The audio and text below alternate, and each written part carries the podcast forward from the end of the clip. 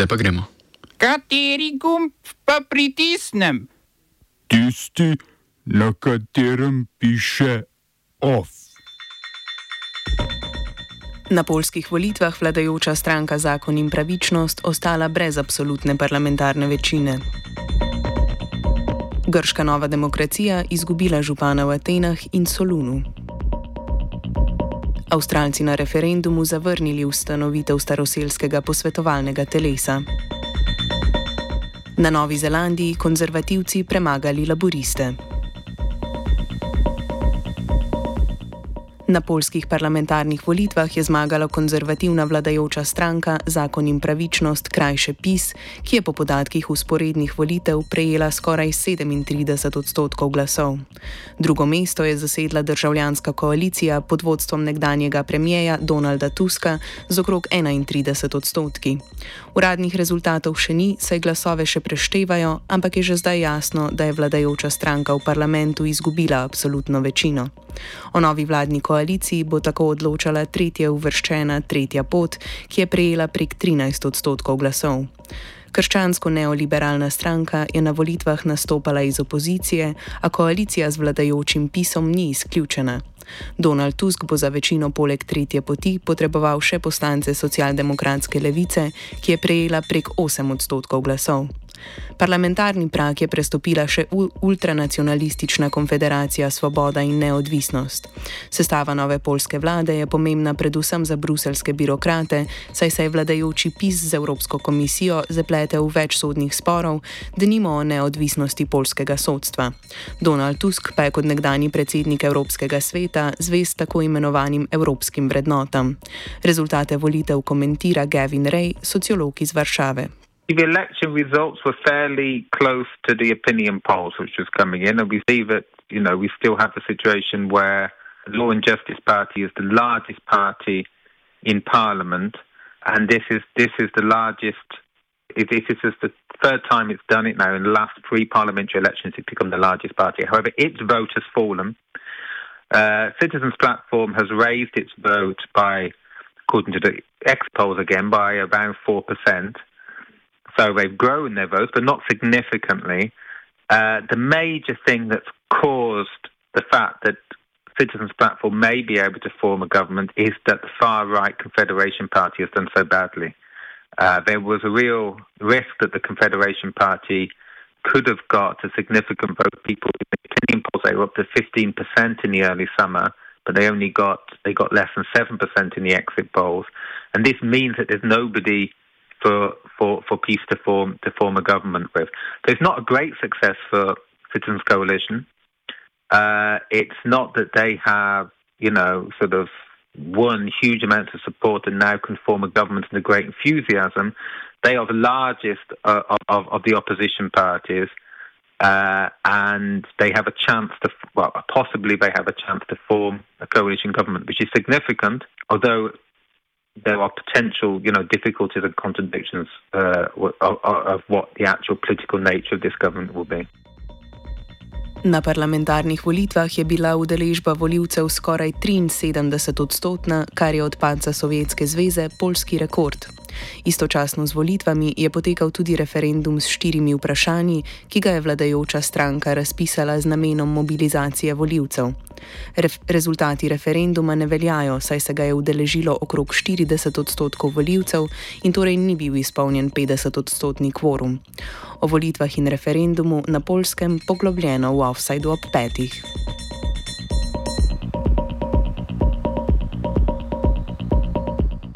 Na državni ravni vladajoča konzervativna grška stranka Nova demokracija je v drugem krogu lokalnih volitev doživela poraz. Izgubila je župana v obeh največjih mestih, Atenah in Solunu, prav tako pa ji ni uspelo dobiti svojega guvernerja v Tesaliji. Pred volitvami je premijer Kirjakos Mitsotakis napovedal zmago v vseh 13 grških regijah. Nova demokracija pa je v prvem krogu volitev podprla sedem guvernerskih kandidatov, ki so zmagali. V drugem krogu je Nova demokracija uspela obdržati le guvernerja na Peloponezu, v petih regijah pa je izgubila. V Atenah je skoraj 56 odstotki glasov župan postal strojni inženir in profesor energetske politike Haris Dukas, kandidat socialdemokratskega pasoka. Premagal je Kostasa Bakojanisa, premijejevega nečaka in dosedanjega župana Aten. V Solunu je novi župan postal neodvisni kandidat Stelios Ageludis, ki ga je prav tako podprl Pasok. Tudi v Solunu je doslej vladal župan nove demokracije. V Tesaliji je novi guverner postal Dimitris Kuretas, ki sta ga podprla tako Pasok kot Siriza.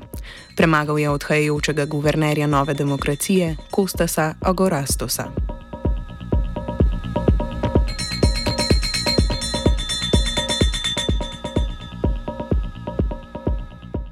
Na referendum so šli tudi v Avstraliji. Na njem so zavrnili spremembo ustave, s katero bi staroseljcem priznali status prvotnega ljudstva in ustanovili posebno posvetovalno telo. Telo bi sestavljali in izbrali aborižini ter ljudstva Toresove ožine. Svetovalnim telesom bi staroseljce po več kot stoletju zatiranja vključili v ustavo ter jim omogočili vpliv na odločitve vlade. Kolonizatorska večina je podelitev take pravice staroselski manjšini zavrnila s 60 odstotki glasov.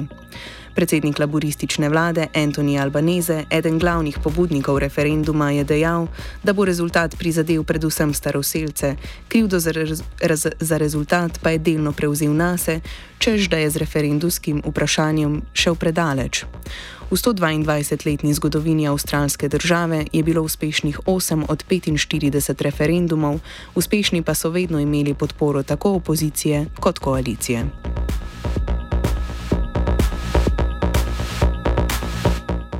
Na novozelandskih parlamentarnih volitvah je z okoli 39 odstotki glasov zmagala konzervativna nacionalna stranka pod vodstvom Krisa Luxona. Zmago konzervativcev se je končala šestletna vladavina laboristov, ki so skoraj 27 odstotki glasov osvojili drugo mesto. Za njimi pa so se zvrstile še stranka zelenih, desna stranka ACT in populistično-nacionalistična stranka New Zealand First. Lakson je sicer že namignil, da bo nacionalna stranka vstopila v koalicijo s stranko ACT. Premijski kandidat laboristov je tokrat bil Chris Hipkins, ki je januarja na mestu predsednika vlade zamenjal Jacindo Ardern.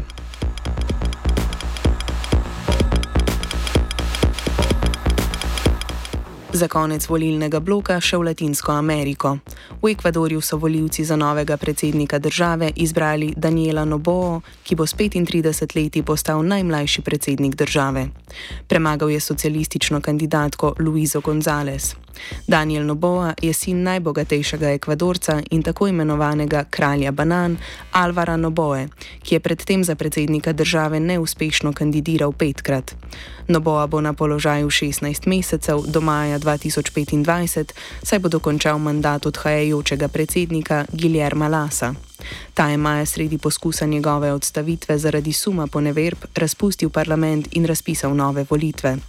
Ekvadorske volitve je med drugim zaznamoval avgustovski atentat na predsedniškega kandidata Fernanda Villavicencija, ki je kandidiral s protikorupcijskimi obljubami.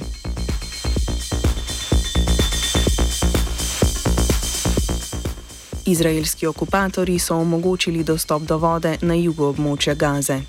Ponovno vzpostavitev oskrbe z vodo je potrdil minister za energetiko Izrael Kac, ki je dodal, da se je država za obnovitev dotoka vode odločila, da bi ljudi, ki še živijo na severu obleganega območja, prisilila k premiku na jug. Medtem izraelska vojska čaka na vladni ukaz za začetek kopenske ofenzive na severu Gaze. Po podatkih Agencije Združenih narodov za palestinske begunce je na območju Gaze razseljenih okoli milijon palestincev, ta številka pa se še vedno povečuje. Egiptovski varnostni organi so sicer obljubili odprtje edinega mejnega prehoda med Gazo in Egiptom, čež da so se o tem dogovorili. Tudi tako palestinski Hamas kot izraelska vlada sta dogovor o prekinitvi ognja in odprtju mejnega prehoda Rafa zanikala. Medtem je Izrael začel z evakuacijo 28 vasi, ki so od meje z Libanonom oddaljene okoli 2 km. V izraelskem obstreljevanju Južnega Libanona je življenje izgubilo 16 ljudi, med njimi tudi novinar Reutersa. smo se osamosvojili, nismo se pa osvobodili. Naslednje štiri leta še 500 projektov. Izpiljene modele, kako so se strani nekdanje LDS rotirali. Ko to dvoje zmešamo v pravilno zmes, dobimo zgodbo o uspehu. Takemu političnemu razvoju se reče udar. Jaz to vem, da je nezakonito, ampak kaj nam pa ostane? Brutalni obračun s politično korupcijo. To je Slovenija, tukaj je naša zemlja, to je Slovenija, Slovenija, Slovenija. Valentina Prevoljnik Rupel je uradno prevzela posle ministrice za zdravje. Obljubila je, da bo novi obvezni zdravstveni prispevek v naslednjem letu ostal fiksen in znašal 35 evrov, leto zatem pa se bo na novo ovrednotil. Ministrica je imenovala tudi dva člana svojega kabineta, Evo Vodnik, specialistko družinske medicine iz zdravstvenega doma Ljubljana in Denisa Kordeža, ki je bil doslej namestnik direktorja zdravstvenega doma Litija. Premijer Robert Golop je pojasnil zamrznitev socialnih transferjev, ki jo za naslednje leto predvideva predlog rebalansa proračuna. Ker transferi, kot sta socialna pomoč in državna štipendija, ne bosta usklajena z inflacijo, bo njihova realna vrednost padla. Poslanec Levice Milan Jakopovič je Goloba vprašal, ali nasprotuje uskladitvi transferjev in ali si država tega res ne more privoščiti. Lahkotnost argumenta, denar lahko poiščemo drugje, ni nekaj, kar bi bilo sprejemljivo ne v državnem zboru, še manj na vladi ali na katerem koli ministrstvu. Sem sam sem napovedal, da bomo poiskali dodatne vire, ker je to edini način, če hočemo večevati porabo. In ne, žal, ne varčujemo kar tako, varčujemo, moče ste prej poslušali, zaradi tega, ker je toliko in toliko ljudi, 600 družin najmanj, je ostalo brez domov. Ljudje so ostali brez vodovodov, Varčujemo zato, ker je treba zagotoviti denar za poplavno obnovo. In nikomor nismo vzeli socialne pomoči, socialna pomoč ostaja natančno enaka, kot je. Zakaj so se nekateri transferji na predlog ministrstva povečali, drugi pa ne, ni vprašanje za predsednika vlade. Čeprav se vam to zdi, zato ker je vedno priročno, da ko je slaba novica, je predsednik vlade tisti, ki ne odgovarja, ko je pa dobra, takrat so pa ministri, ki se s tem hvalijo. Tako pač je. Pa meni je to čisto v redu, vse sem se navadil te vloge. Ampak bodimo pošteni v parlamentu. In ponovim še enkrat, ker me niste poslušali. Našli bomo dodatne vire s trošarinami na sladke pijače, tobačne izdelke in žgane pijače. In kolikor bomo našli, bomo lahko namenili za vse najranljivejše skupine ne nujno samo za socialno pomoč. Pri socialni pomoči pa pri tej nezaposlenosti, ki je rekordno nizka, moramo stimulirati tiste, ki delajo prvenstveno, za tiste, ki pa ne zmorejo, pa nadzirati, zakaj ta denar porabijo. In ko bojo ta dva pogoja izpolnjena, takrat mislim, da bo tudi debata o socialnih pomočeh dejansko resnična in objektivna. OF je pripravil Premrov.